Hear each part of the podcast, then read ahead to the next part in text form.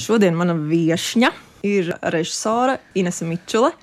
Un es viņu uzaicināju vairāku iemeslu dēļ. Pirmkārt, tādēļ, ka viņa ir viena no tām retajām, laimīgajām un veiksmīgajām māksliniecēm šai sezonā, vai drīzāk varētu teikt, pagājušā gadā, kas tomēr iestudēja tādas izrādes, kuras ne tikai tika iesaldētas, bet tomēr arī sasniedza savu skatītāju un tika spēlētas klātienē. Un līdz ar to mums ir par ko runāt. Bet, lai izveidotu tādu savdabīgu tiltiņu, Tad es tātad sveika Inese. Es tev gribu uzreiz arī jautāt, kas ir tās trīs lietas tavā visu labo lietu sarakstā? Jo šī ir luga, kuru Latvijā tātad ir iestudējuši pagājušajā gadā trīs režisori. Tu pirmā, pēc tam Rēzija Kalniņa, Rīgas Krievteātrī un tagad Dmitrijs Petrenko Liepājā. Un tā kā Dmitrijs ar to pabeidza mūsu iepriekšējo sarunu, tad es tieši ar šo jautājumu vēlos sākt. Kā tu papildināji savu lietu sarakstu tad, kad tu biji iestudējis šo izrādi? Pirmkārt, jā, labdien, Ieva! Es visu laiku domāju, ko tu man pirmā jautāsi, kaut ko tādu es negaidīju. Jo par labajām lietām nācās domāt iestudējuma procesa laikā. Valmieras teātris arī mārketinga daļa mums tur veicināja, aicināja veidot šo sarakstu, tur kaut kas bija jāsūta un tā. Un tad es arī sāku par to domāt. Un es atgriežoties pagājušā gada aprīlī pie šī labo lietu sarakstā, toreiz kā pirmo minēju sarunu ar uh, tuvu cilvēku. Un es pie tā arī palieku sarunu ar tuvu cilvēku. Tobrīd man aprīlī tā bija mana mamma kuras es nevarēju aizbraukt, konkrēti domājot par sarunu. Un šobrīd arī saruna ar tuvu cilvēku, ar draugu, ar domu biedru, kā šobrīd ar tevi, tas ir manā topā. Numur viens. Otrs, pateicoties profesijai un tām blaknēm, ko profesija atstāja, veids, kā tos procesus sevī plūstoši mainīt, ir caur ūdeni. Tātad nu, tas ir ūdens, vai nu tā ir karsta duša vai asaras atkarībā no procesa un emocijām. Un uh, trešais, atkal jāsaka tāpat kā aprīlī, tā ir daba. Bez dabas es neko, nekur negribētu just, jo daba ir uh, tā, kas negaida novērtējumu. Vai tā ir cilvēka daba, dzīvnieka daba, vai daba kā tāda ārpus šīs telpas, tā man ir uh, svarīga, lai es pati savu šo telpu organizētu savu domu telpu, savu emociju telpu un vēseles telpu visnotaļ. Jā. Šī ir tāda izrāde, kurā ir neizbēgami jāiesaista skatītāji.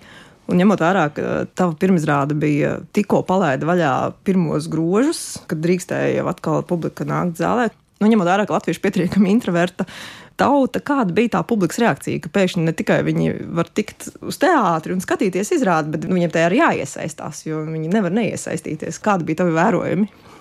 Publika bija uz vienu viļņu ar mums. Mēs bijām laimīgi satikties. Un izrāde patiesībā sākās no mirkļa, kad uh, skatītājs sāka nākt teātrī iekšā. Ah, es jau tagad nedrīkstu visus tos smalkumus izstāstīt, jā, jo, jo mēs tomēr cerams un noteikti rādīsim to izrādi vēl. Tad, tad šī dabiskā sirsnība, kas nāca no Mārtiņa Meijera, Es domāju, arī uzveica to ceturto sienu, kas ir lielākā provokācija, laikam, iestudējot izrādi, saprast, cik komfortabli skatītājs jutīsies. Un to panāca šī dabiskā atvērtība, kas ir aktierim. Un es, jā, es ar trīcošu sirdi, ar trīcošu prātu to vēroju un biju laimīga, cik organiski tas notiek. Vispirms pirmajā izrādē, tad otrajā. Tad trešajā, tad es neskatījos kādu laiku, un tad es biju laikam atkal uz pēdējo, un es redzu, ka joprojām tas notiek. Tātad akcenti ir pareizie. Materiāls ir saslēdzies ar aktieri, ir saslēdzies ar šī brīža situāciju, kas nebija paredzēta tāda.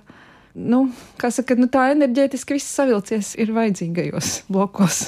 Respektīvi, tos skatītājus, kas parasti mēdz baidīties un saka, mm, labāk tad es uz šo izrādi nedošos. Tu varētu teikt, ka nu, viņi drīkst to droši darīt, ka Mārtiņš Mējers tiks galā un palīdzēs. Viņi pat nejutīs to. jo, jo, jā, jo ļoti daudzi tieši ir teikuši, man draugs, vai arī tur man tā teica, vai tur kaut kas ieteica, un es saku, nē, un fuj, fuj kas tur būs, un neaiztieciet mani. Un tad viņi tā paši neviļus arī piefiksēja, bet tas nemaz nebija tik sāpīgi. Tas bija pat interesanti. Es pat gribēju. Jā, tas ir pateicoties šim materiālam, es domāju, tā noticis. Tu biji tā, kas tagad nosauca vārdā Mārtiņu Mēru, ko, protams, vajadzēja darīt man, bet līdz ar to man ir šāds jautājums. Tikko visa Latvija varēja paskatīties un noskatīties, kā viņš spēlēja Hamletu Indras Rogas režijā. Un tad man ir tāds profesionāls dabas jautājums, kā ir režisoram strādāt ar aktieri, kurš ir nulle kā spēlējis Hamletu. Nerunāsim par balvām, ko viņš par to ir ieguvis.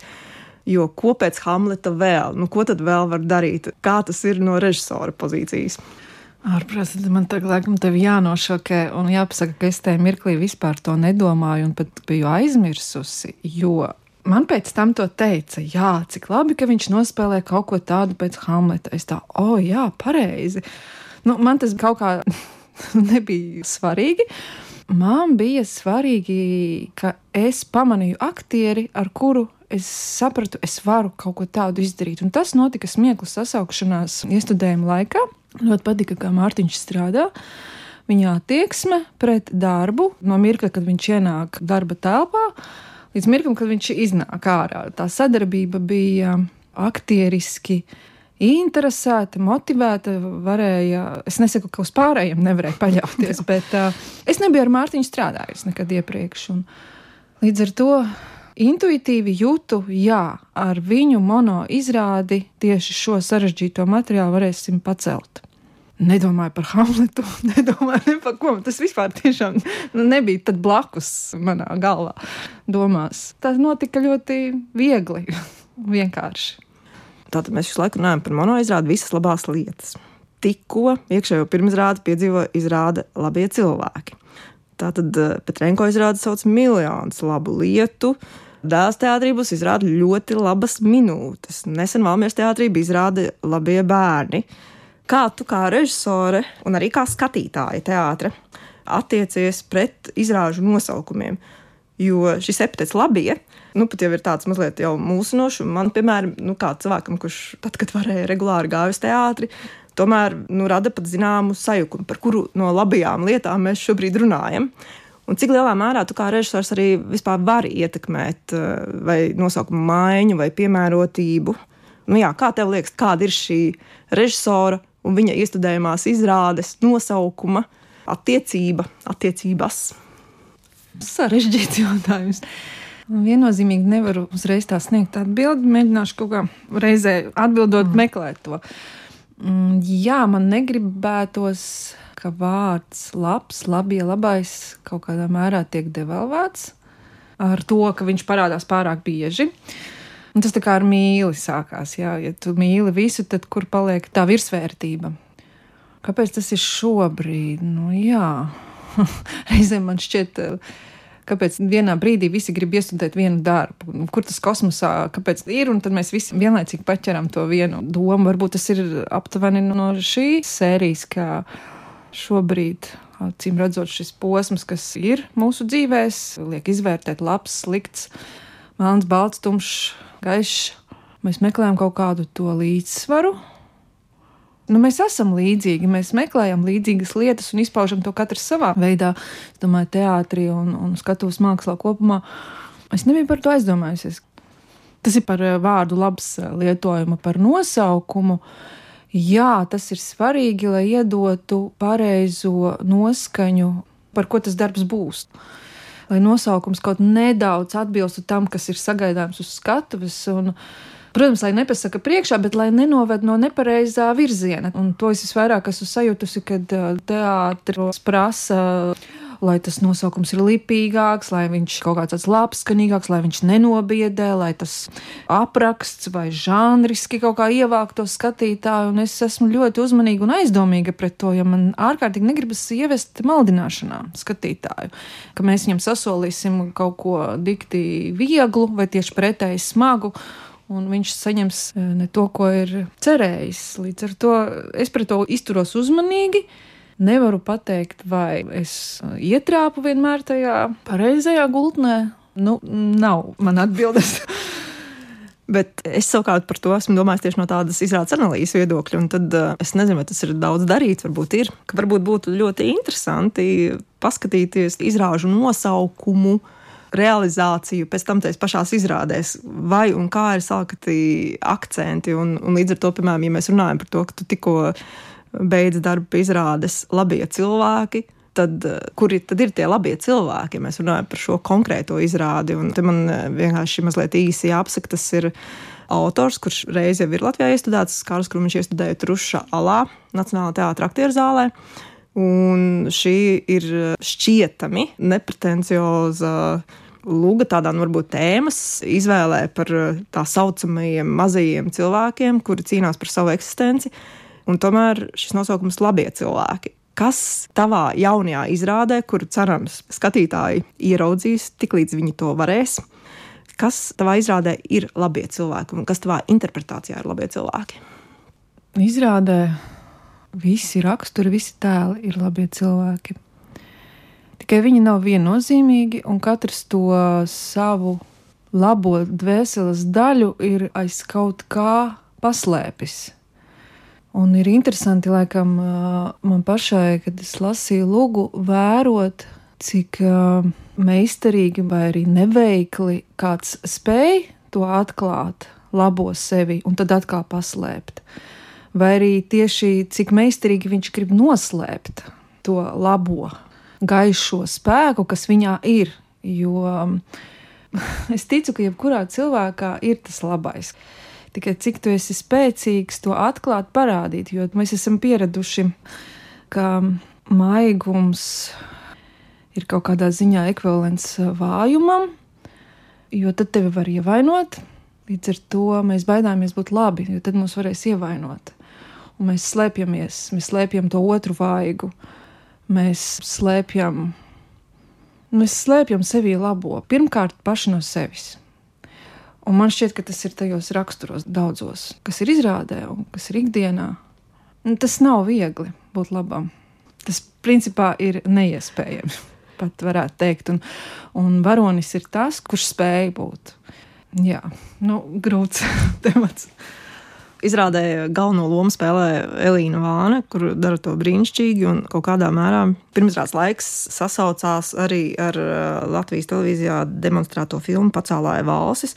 Un te vienkārši mazliet jāpasaka priekšā radio klausītājiem, ka tā galvenā varone tikko zaudējusi darbu lielveikalā. Un attiecīgi šāda pati vide ir bijusi gan šajā filmā, tāpat mēs esam redzējuši Homanovas laikā Maksimas operu, jeb mini operu, jeb kamera operu. Un tad, eh, domājot par šo tēmu, liekas, ka beidzot 21. gadsimtā diezgan krasi ir nomainījis tas, ko mēs saprotam ar šo jēdzienu mazais cilvēks, jeb vienkāršais cilvēks, jeb cilvēki mums līdzās. Un, ka, teiksim, ja 19. gadsimta beigu puses vai 20. gadsimta sākuma dramaturgijas mazais varonis bija visticamāk cilvēks bez zemes, kurš kalpo citiem, lai izdzīvotu un bez teiksim, iespējām tikt uz augšu kaut kādos zināmos nosacījumos. Tad šobrīd ir diezgan skaidri, beidzot tā vide nomainījusies no laukiem uz pilsētu. Un šie ir tie pilsētas mazie cilvēki, par kuriem tu nevari nedomāt, jo tu viņus arī ikdienā sastopi. Ir ļoti dažādi iemesli, tieši tā kā Lūgas galvenā varone saka, ļoti dažādi iemesli, kāpēc mēs katrs varam būt šajā situācijā, un tas ir atkarīgs no mūsu veiktajām izvēlēm. Un šīm izvēlēm mūs vienkārši piespiež ļoti bieži apstākļi, nevis tikai mūsu pašu griba. Un tad, domājot par to mūsdienu varoni, man ir jājautā tev, kā tev šķiet, piemēram, cik šādi darbi sasniedz to īsto mērķa auditoriju, un vai mēs paši, kas, teiksim, esam šajā teātrī vidē, esam mērķa auditorija, par to man šeit tad ir jādomā, jo arī Krievijas modernajā dramaturgijā ir ļoti daudz atspoguļota šāda tipa vide, un visticamāk mēs visi gribētu, lai cilvēki skatās darbus par sevi, bet visticamāk, savu garo darba stundu dēļ un zemo ienākumu dēļ, un varbūt arī citu interesu dēļ, viņi līdz teātrim nekad nenonāk. Un kā tev šķiet, kas ir tas ieguvums tādiem kā mums, skatoties izrādes par maziem cilvēkiem? Nu, ieguvums, es domāju, ir izvērtīt savu vērtību sistēmu. Varbūt mēģināt nebūt tik augstprātīgiem ar to, ka mums ir pieejama tāda intelektuālā un kultūras bagāža, kāda citam nav pieejama. Nebūt augstprātīgam par savu viedokli, zināšanām, kas visbiežāk tiek sajauktas un apvienotas. Jā, man šķiet, ka no šiem cilvēkiem vismaz man ļoti tā gribētos, ka es pati to sev atgādinu brīžos, kad gribas celt degunu gaisā, kā pazemība. Pazemība ir um, nu, tāda netverama lieta, kas man liekas palīdz tajā līdzsvarā palikt. Um, starp kaut kādām galējībām, kategorismu, un arī starp šaubām un sevis apšaubīšanu un, un ticību sev. Nepārmest sev, piedot sev, nu, tā pazemība dažādos līmeņos. Un tā piemīt šiem cilvēkiem, kas neiet uz teātri, kuri nevar atļauties teātri, kuri nevar atļauties dārgas grāmatas, pirkt, lasīt. Un, un, jā, un atrast naktīs laiku, lai lasītu bibliotekā, paņemtās grāmatas kaut vai tam dēļ. Tas man šķiet būtu kaut kur starp rindām, kas ir izrādēs, starp tiem vārdiem, notikumos, būtu jāsajūt, jānolasa. Bet runājot par kādu, kurš ceļ degunu gaisā, mēs ļoti veikli tiekam pie tās otrās tēmas, par kuru es gribēju mūsu sarunā runāt. Proti, ka pirmā izrāde bija arī Gunāra Priedes jaunākā brāļa vasarai, kas bija iestudējums tātad Valmieras teātrī uz teātra lielās skatuves, kurā piedalījās arī jaunie Indras Rogas un Mihaila Gruzdova vadītā kursa, tātad 4. kursa studenti, par kuriem arī mēs jau šņurbēniņos esam runājuši gana daudz. Jā, un šis ir, manuprāt, notikums, kurš ir uh, apspriešanas vērts, jo tas vēstīja par kādu jaunēkli, kurš mazliet saceļ degunu gaisā, jo viņš ir labi izglītots, viņš ir iegūmis izglītību, un viņš dodas uz laukiem, proti, uģis Daugavietis, ko spēlē Sandrs Runger. Un tad man tas, tas jautājums, laikam, ir. Uh, Kāpēc tomēr tieši šāda izvēle? Ņemot vērā, ka tā ir 1955. gada lūga, ar to, protams, Gunārs Priede tiešām iekroja uh, sava laika milzīgu popularitāti gan uh, profesionāļu vidū, bet visvairāk es domāju, ka jārunā par publikas mīlestību, jo tas bija stāsts par tā laika jauniešiem, viņiem saprotamā valodā. Kādēļ tieši šodien, tieši šī luga tēma ziņā? Kas tev likās būtiski, kāpēc par to ir vērts runāt?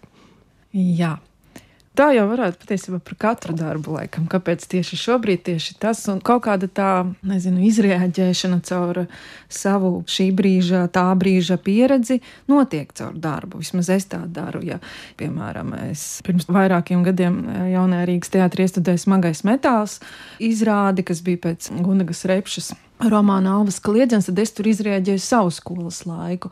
Un varbūt šādi caur jaunāko brāli es kaut kur izrēģēju savu atnākšanu no laukiem uz pilsētu. Kaut arī es nevarēju celt degunu gaisā, jo es biju no mazpilsētas Rīgas skolā, un tur bija cita veida situācijas nekā jaunākajam brālim. Bet Gunārs Priede mani kaut kur intuitīvi uzrunāja ar to, ka es jūtu, ka es gribu iestudēt latviešu dramaturgu un ne mūsdienu. Un um, savā prāta bibliotekā izējot cauri autoriem, apstājos pie Gunāra Priedes, un uh, es sapratu, jā, tik cik es pie Gunāra Bībera biju par viņu akadēmijas laikā uzzinājusi, tik man viņa estētiskie uzskati bija ārkārtīgi svarīgi un uh, uzrunājoši. Un sapratu, jā, ir jāskatās, jālasa. Un, nu, šis nosaukums, jaunākā brāļa vasara, nu, viņš ir tik tēlains, un nu, mana iztēle jau uzreiz, vēl neizlasot, nepārlasot lūgu. Jau sāka kaut kā rosīties, un ilgi nebija jāgaida. Izlasīju lūgu vēlreiz, un sapratu, ka tas pasaules redzējums, kāds ir katram tēlam iedots, tas saskan ar manu. Man ir saprotama šo raksturu, šo tēlu, gan iekšējie, gan ārējie konflikti. Es gribēju par tiem runāt, jo tie ir, eh, neskatoties uz to, ka tas bija tik sen atpakaļ, joprojām. Nu, viņi tā kā varētu teikt, nu, tādi ārpuslaicīgi, vispār cilvēciski, ir tikpat aktuāli arī šobrīd. Tas, ko risināja tad, kā var nu, tas, kas toreiz likās tik netipiski dramaturgijā, kā vienā varonī var būt uh, gan uh, labais, gan sliktais, ka cilvēks var būt gan uh, augstprātīgs, gan pazemīgs, ka viņš var būt gan čakls, gan slings, ka viņš var būt gan altruists, gan egoists. Kā to var apvienot? Var, var, mūsos to visu var apvienot, un viss ir notiek vienā dvēselē, un tikpat aktuāli tas ir tagad labajos cilvēkos. Līdz ar to, jā, tieši šī pasaules redzējuma dēļ arī man gribējās to iestudēt. Tagad, kad nāk jaunais kurs, ka bija iespēja ar viņiem satikties kopā ar pieredzējušiem jau aktieriem, nu, nu brīnišķīgi viss saslēdzās kā vajag. Kāda ir tā tava un arī publikas reakcija uz to, ka tu tomēr esi diezgan respektējis arī tā laika leksiku un vidi, nu, nemēģinot īsināt vai pārveidot? Teiksim, cik lielā mērā tas vispār ir saprotams šodienas publikai? teiksim, jēdziens vai kohos, vai par to, ka ir kaut kāda kolektīva atbildība, vai ka ir komisijas no Rīgas, kas tur brauc skatīties un tā tālāk. Nu, publika ir dažāda, pieredzes ir dažādas. Un pat, ja nezinu, viena darba kolektīvs atnāktu, tāpat cilvēki ar dažādu pieredzi strādā tur.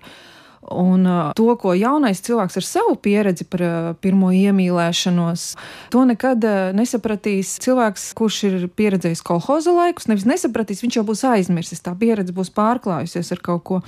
Tieši tāpat kā jaunietis nesaprot, kas ir kolhoza darbs, kas ir nelietot alkoholu kopā ar visu kolektīvu. Tu nekad nezini, kurš būs tas, kurš tevi par izrunāšanos var pēc tam uz paklāja izsaukt. Un, nu, to nav iespējams. Un, tu pati zini, mēs runājam, kā pārnest tā laika šausmas ar tā laika burvību uz skatuves. Tas mani nodarbināja un noteikti nodarbinās vēl. Līdz ar to cienot katra skatītāja pieredzi, lielāku vai mazāku, ir nu, jāmēģina. Nu, es tā vismaz mēģinu. Caur aktieriem, caur tiem notikumiem, ko autors, caur notikumiem, nevis caur saka, teksta attiecībām, mm. ko autors ir gribējis pavēstīt. Un, un man ir gan pārmetuši to, gan respektējuši, ka es ievēroju autoru, gan valodu, gan ar svītrojumiem.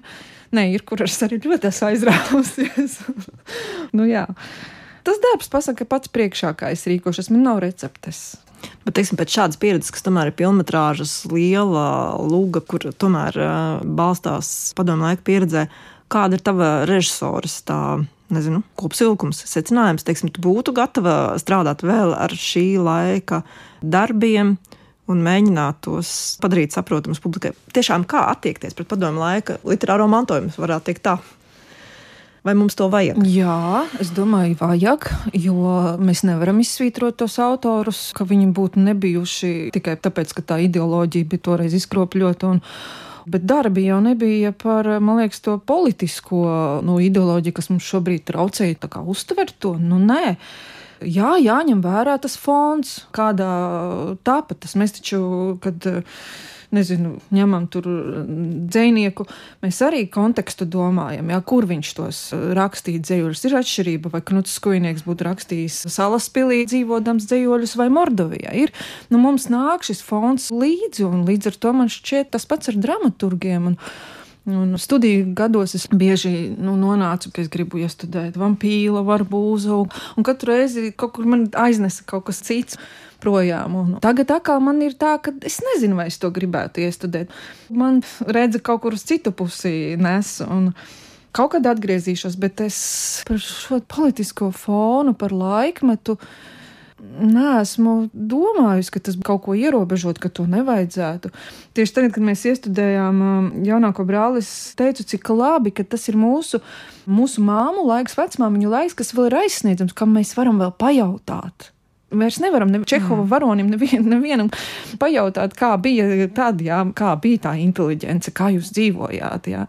Šeit mēs varam, vēl varam, un es biju priecīga, ka jaunieši iet pie saviem vecākiem, un mēs albumus nesām, un visi centās saprast, kas tā ir kolektivizācija. Ja? Un, paldies Dievam, bija daudz materiālu. Silvija Radzobe bija par Gunāru Priedes dramaturģiju, visu tur varēju lasīt vēstules, ko bija akurāti Līvija savākusi no Gunāra Priedes. Viņiem lasīt priekšā un stāstīt, kā pats Priede tur tika galā kolhozā un ko tas patiešām nozīmē, ka tas nav izdomāts. Un, katrs darbs ir arī meklējumu, pētījumu, mācību process. Ne tikai man, arī aktieriem. Runājot par jauniešiem, viņu pedagogi Indra un uh, Miša teica, ka viņi ir darījuši visu, lai tieši šis kurs un tieši šie absolventi, nu, katrs būtu gatavs spēlēt kādu, cerams, daudzas galvenās lomas. Kā tu pārliecinājies par viņu profesionālo sagatavotību, vai tu ar viņiem taisītu Hamletu? Jā, protams. Es, protams, taisītu Hamletu ar viņu ar aktieriem, kuri ir strādāt griboši, motivēti un uh, profesionāli tīri.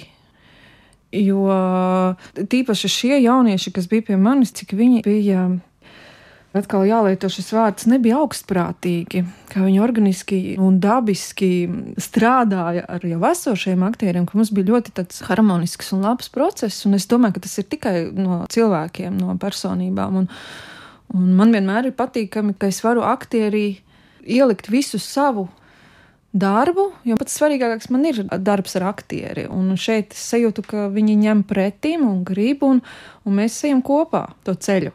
Un man kā režisoram, jā, kurš koncentrējas tomēr uz aktieru visvairāk, tas ir ārkārtīgi svarīgi. Un nobeigumā, tā kā šī tev bija labo lietu un labo cilvēku sezona, vai tu pieļauj domu, ka varētu būt arī slikto lietu un slikto cilvēku sezona nākotnē? Kādā kontekstā? Dramaturgijas izvēles.